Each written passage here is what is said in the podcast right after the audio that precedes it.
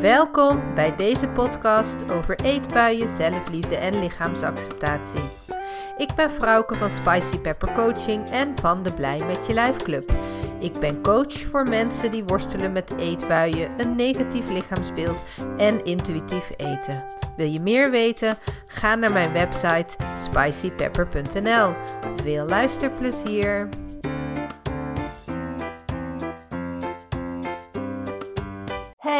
Superleuk dat je weer bij me incheckt.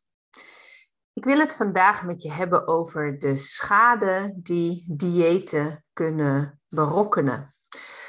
Vandaag, op de dag dat ik deze opname maak, is het 6 mei. En 6 mei is International No Diet Day.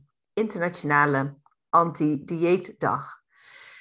En deze dag is ontstaan in 1992, nadat er een hele treurige situatie was waarin een meisje die worstelde met haar lijf, met haar dik zijn en met diëten, ja, tragisch genoeg een einde maakte aan haar leven. Ehm, nou, er ontstond zich een collectief daaromheen die uh, hadden besloten dat dit niet zo langer kan. Hè? Dat diëten helemaal niet zo onschuldig is. Dat het heel veel ja, nare dingen met zich meebrengt. En zo is International No Diet Day ontstaan. En ik wil je daar graag meer over vertellen, over wat er nou mis is met diëten. En ik ga beginnen met te vertellen dat wetenschappelijk is bewezen, hè, dus dit is geen verzinsel van mij, dit is, hier zijn meerdere grote wetenschappelijke onderzoeken naar gedaan, dat ehm, mensen die echt op dieet zijn, en dan hebben we het vooral hè, over al die georganiseerde diëten zoals Weight Watchers, uh, Personal Body Plan, maar ook koolhydraatarm dieet. Uh, hè, zo diëten volgen om op een wat, om wat sneller gewichtsverlies te bewerkstelligen. Uh, dat zij op de lange termijn weer aankomen. En dat wetenschappelijke onderzoek, die wetenschappelijke onderzoeken, moet ik eigenlijk zeggen, hebben aangetoond dat op de lange termijn 95 tot 97 procent van de mensen weer aankomen. dat betekent dat je op de korte termijn bij het volgen van een dieet zeker kunt ervaren dat je bent afgevallen en dat je daardoor denkt dat een dieet voor je werkt. En dat is de hele korte termijn. Hè? Dat, dat, en afhankelijk van het dieet en van hoe lang je het volgt, is die korte termijnperiode bijvoorbeeld een maand of drie maanden of een jaar. Uh, die lange termijn, dan heb ik het echt over na een jaar dat je met dat dieet gestopt bent. Wat ook eigenlijk heel lastig te peilen is voor heel veel mensen, omdat ze als ze in de dieetcyclus zitten, en ze stoppen met een dieet. En misschien herken jij dit zelf ook wel. Dat, het, dat je zeker binnen een jaar weer een nieuw dieet start. Nou goed. dus je mag aannemen, het is wetenschappelijk bewezen dat zo, zo, wanneer je start met een dieet, ik zeg maar even wat, op 1 januari start je met een dieet en dat hou je drie maanden vol en je bent in die drie maanden 10 kilo afgevallen, dat er in de aankomende negen maanden, waarin je bent gestopt met diëten bijvoorbeeld, of wanneer je dan worstelt hè, met de nadelen van diëten, zoals de visuele cirkel van eetbuien, dat je, dat je het niet meer volhoudt, dat je steeds last hebt van snaaien en, en, en van, van cravings. Dat je dus in die periode van negen maanden daarna zo geleidelijk van die 10 kilo die je bent afgevallen, misschien wel weer 8 kilo bent aangekomen en dat je dus na een jaar ehm, geen 10 kilo meer kwijt bent, maar uiteindelijk schoon onderaan de streep nog maar 2 kilo. Nou, van die 95% 95 tot 97% die dan weer zijn aangekomen, komt ook nog eens 60% van die groep hoger uit dan het startgewicht. dus die komen niet die 8 kilo weer aan hè, op die lange termijn, maar misschien wel 12. Hè, waardoor je eigenlijk door te diëten 2 kilo zwaarder bent geworden op de lange termijn. Dit is wetenschappelijk bewezen door heel veel verschillende wetenschappelijke onderzoeken. Daarom is het cijfer hè, van 95 tot 97 procent is niet een exact cijfer, omdat daar verschillende onderzoeken nog uh, ja, nou, verschillende getallen zeg maar, uithalen. Dus de, de marge zit daartussen.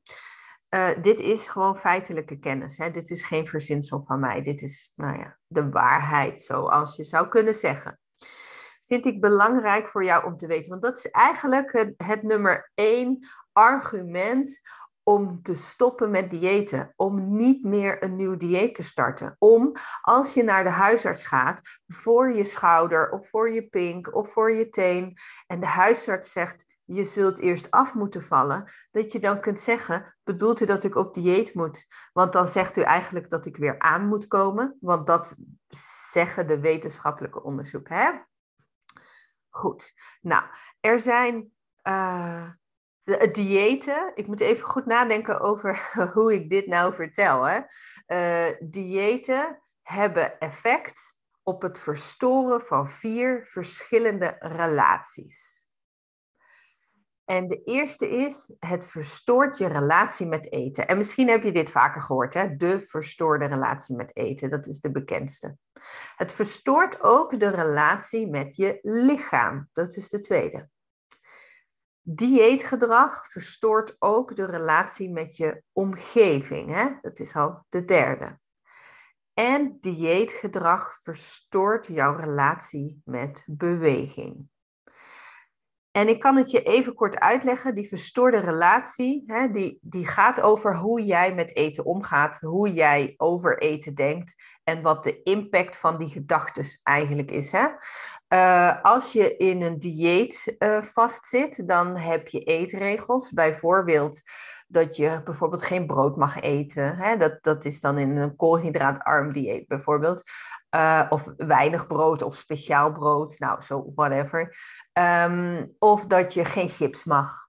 Of dat je maar zoveel calorieën mag. Of dat je maar twint, hè, de 20-80 regel is ook zo mooi. Dat je maar 20% van wat je eet, dat dat, ja, weet ik veel, hoog calo calo calorierijk mag zijn. Of lekker mag zijn. Of in de categorie verkeerd voedsel, guilty pleasures, hè, cheat meals, uh, mag zijn. Dit zijn allemaal dieetwoorden hè, die ik nu zo allemaal opnoem. Um, dus dan heb je oordelen over eten, terwijl eten gewoon eten is. Hè? Uh, paprika chips is gewoon eten, een avocado is gewoon eten, een bord macaroni is gewoon eten en een komkommer is ook gewoon eten. En je mag er naartoe om daar voor jezelf een balans in te vinden en vooral daarin te luisteren naar de signalen van jouw lijf en niet de regels van het dieet dat jij volgt. En dan komen we dus meteen bij de volgende. Hè? Het verstoort je relatie met je lichaam. Want als je zo'n dieet dus gaat volgen, die jou vertelt wat je wel en niet mag, maar die jou bijvoorbeeld ook vertelt dat je s'avonds na acht uur niet meer mag eten, of dat je drie hoofdmaaltijden op een dag moet eten en dat je uh, tussen alle hoofdmaaltijden bijvoorbeeld maar één tussendoortje mag en dat dat tussendoortje fruit moet zijn. Hè, dan ga je luisteren naar de regels van dat dieet. Je gaat luisteren naar hoeveel punten je mag halen bij de Weight Watchers bijvoorbeeld. Hè?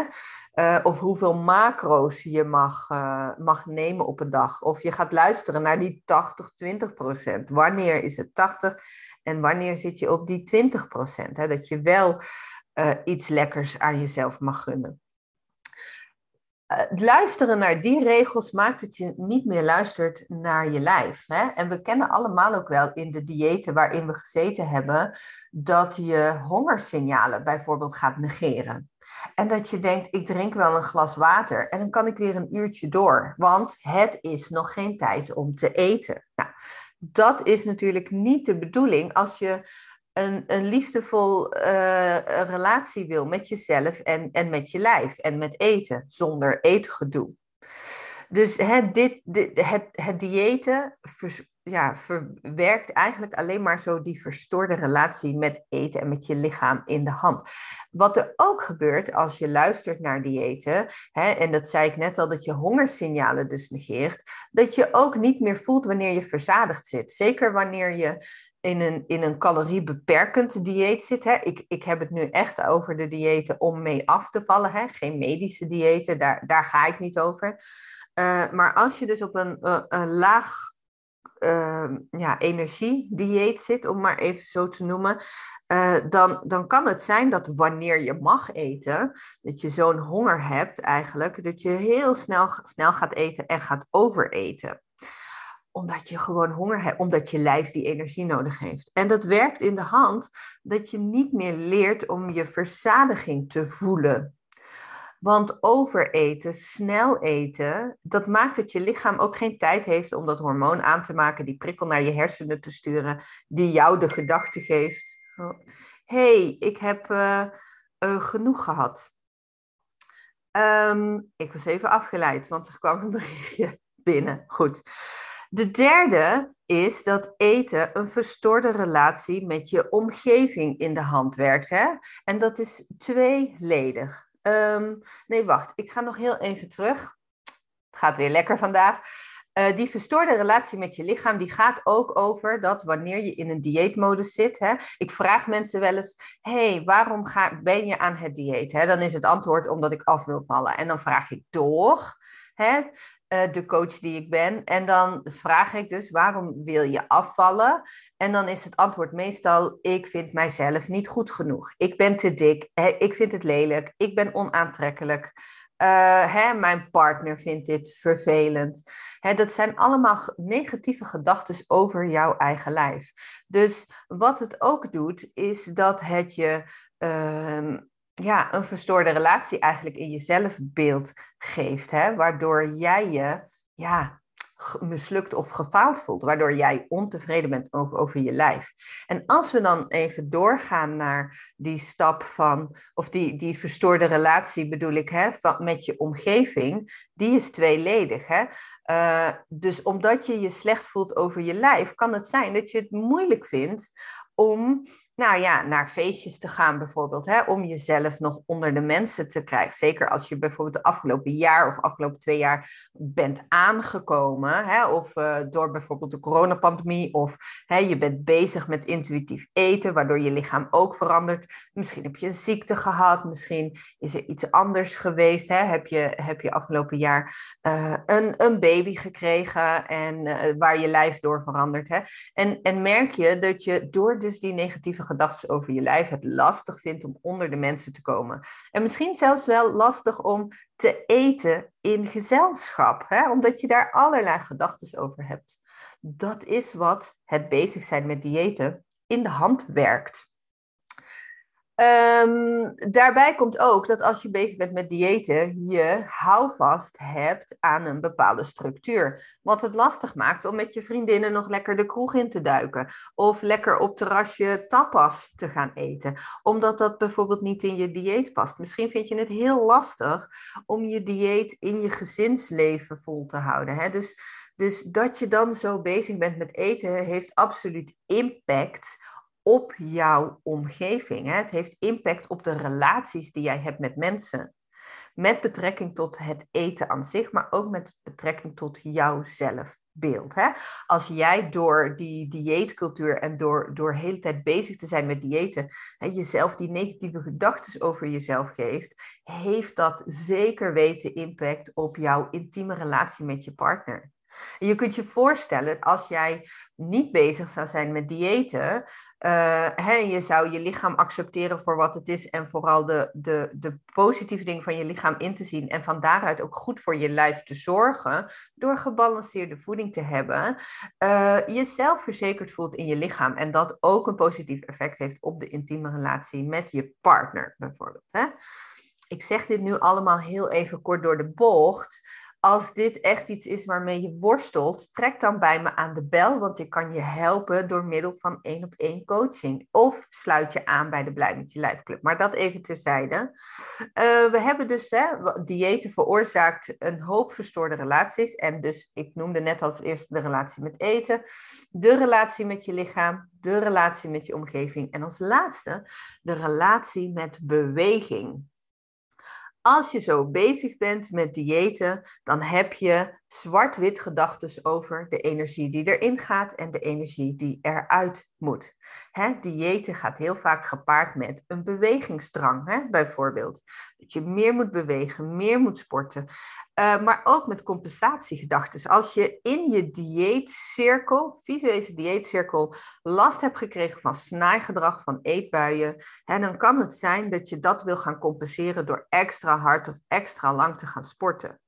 Sporten wordt dan eigenlijk gekoppeld aan jouw negatieve zelfbeeld, waardoor sporten ineens helemaal niet meer leuk is, omdat je er helemaal geen plezier in hebt.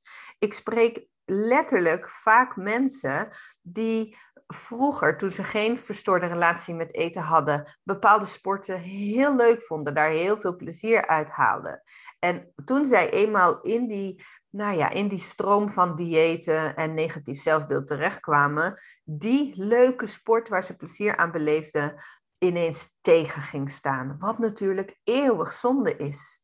Want sporten mag je gewoon plezier in hebben. Hè? Sporten is ook om plezier te maken.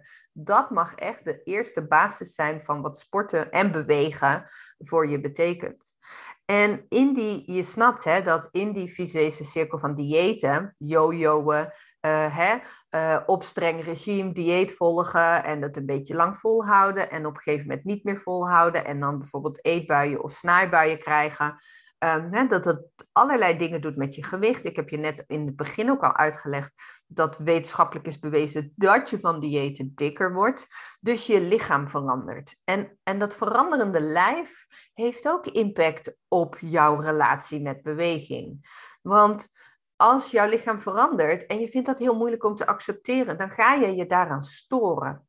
En je stoort je daaraan vooral tijdens beweging. Hè? Dus je gaat je heel erg focussen op dat je een slechte conditie hebt, dat je de trappen niet meer op kan lopen, dat, dat fietsen niet meer leuk is. Um, nou ja, goed, hè? Dat, dat prestaties bij de hockeyclub of, of bij de tennisvereniging of in de sportschool of bij de Zumba-les minder worden. Hè? Dus je, je focust heel erg op dat negatieve, waardoor sporten en bewegen voor jou gewoon geen fun meer is. Terwijl sporten en bewegen, los van um, afvallen, gewichtsverlies, gewoon super belangrijk is in iedereen zijn leven. Hè? Ons lichaam bestaat uit spieren en pezen en botten. En die hebben beweging nodig om fit en vitaal te blijven. Hè? Het is, eh, dat, dat, nou ja, dat hoef ik je denk ik niet uit te leggen. Op het moment dat je bedlegerig bent of heel weinig beweging hebt, dan gaat ook je spierkracht achteruit. Hè? Dus spieren zijn ook gemaakt om in beweging te zijn. Plus dat beweging ook heel belangrijk is voor je mentale gezondheid. Um, dus dat gezegd hebbende, hè, verstoorde relatie met eten geeft het je, verstoorde relatie met je lichaam geeft het je, een verstoorde relatie met je omgeving en een verstoorde relatie met bewegen. Dus los van dat je van diëten alleen maar zwaarder wordt, zijn hier nog vier redenen om direct te stoppen met het dieet dat jij volgt. Uh, ik wil daar nog iets aan toevoegen, namelijk dat er zijn heel veel verschillende soorten eetstoornissen. En bijna alle mensen die worstelen met eetstoornissen, die eetstoornissen zijn aangejaagd door het diëten, door dieetgedrag, door dieetcultuur. Het is niet zo dat iedereen die een dieet volgt ook een eetstoornis krijgt. Want het is een bepaalde gevoeligheid, hè, in combinatie bijvoorbeeld met PTSS of met trauma's die je kunt hebben. Het kan ook een, een, een, uh, voortkomen uit verslavingsgevoeligheid of een andere genetische uh, kwetsbaarheid. Dus het is niet zo dat iedereen die dieet ook een eetstoornis heeft. Maar het is wel zo dat iedereen die een, bijna iedereen die een eetstoornis heeft, de eetstoornis eigenlijk is aangejaagd, dat diëten als een soort van katalysator zijn geweest hè, voor die eetstoornis om door te ontwikkelen. En ik zeg natuurlijk niet dat je je niet mag focussen op afvallen, hè, want het is belangrijk dat je goed voor je lijf zorgt. Het is alleen eh, belangrijk dat je jezelf afvraagt, wat is mijn intentie? Hè, wil, ik wil ik afvallen omdat ik mezelf niet goed genoeg vind, wat bij 90% van de mensen die diëten ook het antwoord is. Hè? Omdat ik last heb van dieetcultuur, omdat ik niet voldoe aan het schoonheidsideaal, omdat ik voor mijn partner niet aantrekkelijk ben. Hè? Dus, dus dan ben je jezelf voortdurend aan het afkeuren, negatieve dingen. dit soort mensen hebben ook negatieve zelfpraat over hun lijf. Hè? Die komen het pashokje uit met een, met een nieuw jurkje of een nieuwe broek. En, en, en die focus gaat meteen naar, oh, maar hier zie je mijn buik wel goed in. Zo, oh, had ik die buik maar niet. dus, dus, dus als jouw intentie is dat je heel afkeurend bent over jezelf, dan moet je daar nog echt iets aan veranderen. Uh, dan zal diëten ook namelijk nooit succesvol zijn. Dan, dan, of dan, nee, ja, diëten is sowieso niet succesvol. Uh, dus dat is een beetje gekke uitspraak met mij. Uh, nou, dan, dan zal het um, het resultaat uh, een gezond lijf veel moeilijker voor je te behalen zijn. Want iets wat zich de hele tijd afgekeurd voelt, je lichaam, gaat ook niet zijn best doen om voor jou gezond te worden. Dat snap je natuurlijk wel. Hè? Dus ik zeg ook altijd, haal de focus af van afvallen. Van dat jij niet goed genoeg bent. Leer dat jij wel goed genoeg bent. Hè? Leer je lijf te accepteren. Leer dat het nu is wat het nu is. En leer dat er ook heel veel positieve dingen zijn aan jou. Dat je meer bent dan je lijf. Maar ook dat je lijf veel meer kan dan dat jij eigenlijk steeds denkt. Hè, als je toevallig afgelopen twee jaar corona hebt gehad, heeft je lichaam ook haar stinkende best gedaan om jou daarvan te laten herstellen, bijvoorbeeld. Hè? Uh, dat zie je waarschijnlijk even over het hoofd. Als ik ga, ik, eh, mijn man en ik gaan graag wandelen uh, in de Ardennen of in Limburg of nou ja, goed, in wat bergachtige gebieden, daar houden we van. En um, ik raak vrij snel, krijg ik het warm, hè? dan word ik wat klammig, zweten, wat meer buiten adem. Vroeger dacht ik, oh, dat stomme dikke lijf, ik moet afvallen, ik ben niet oké. Nou, dat soort gedachten.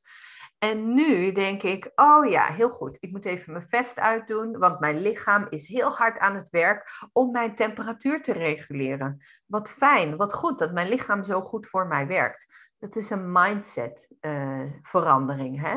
Dus, je, dus je snapt dat als je vanuit liefde voor je lijf gaat zorgen voor je lijf en je focust op dat je een goede conditie wil, of dat je een sterker lijf wil, of een flexibeler lijf, hè? of uh, een soepeler lijf bijvoorbeeld. En je focust je daarop, dan is het ook veel fijner om eetkeuzes te maken, beweegkeuzes te maken, te luisteren naar je lijf. Hè? Want dan ben je samen weer met je lijf een bondgenoot. Hè? Jullie gaan samen werken aan uh, vitaal te zijn. En daarbij vind ik het ook heel belangrijk om te vertellen dat gezondheid niet alleen maar lichamelijke gezondheid is. Hè? Gezondheid is niet alleen maar hoe, ja, hoe, hoe zwaar je weegt en wat je BMI is.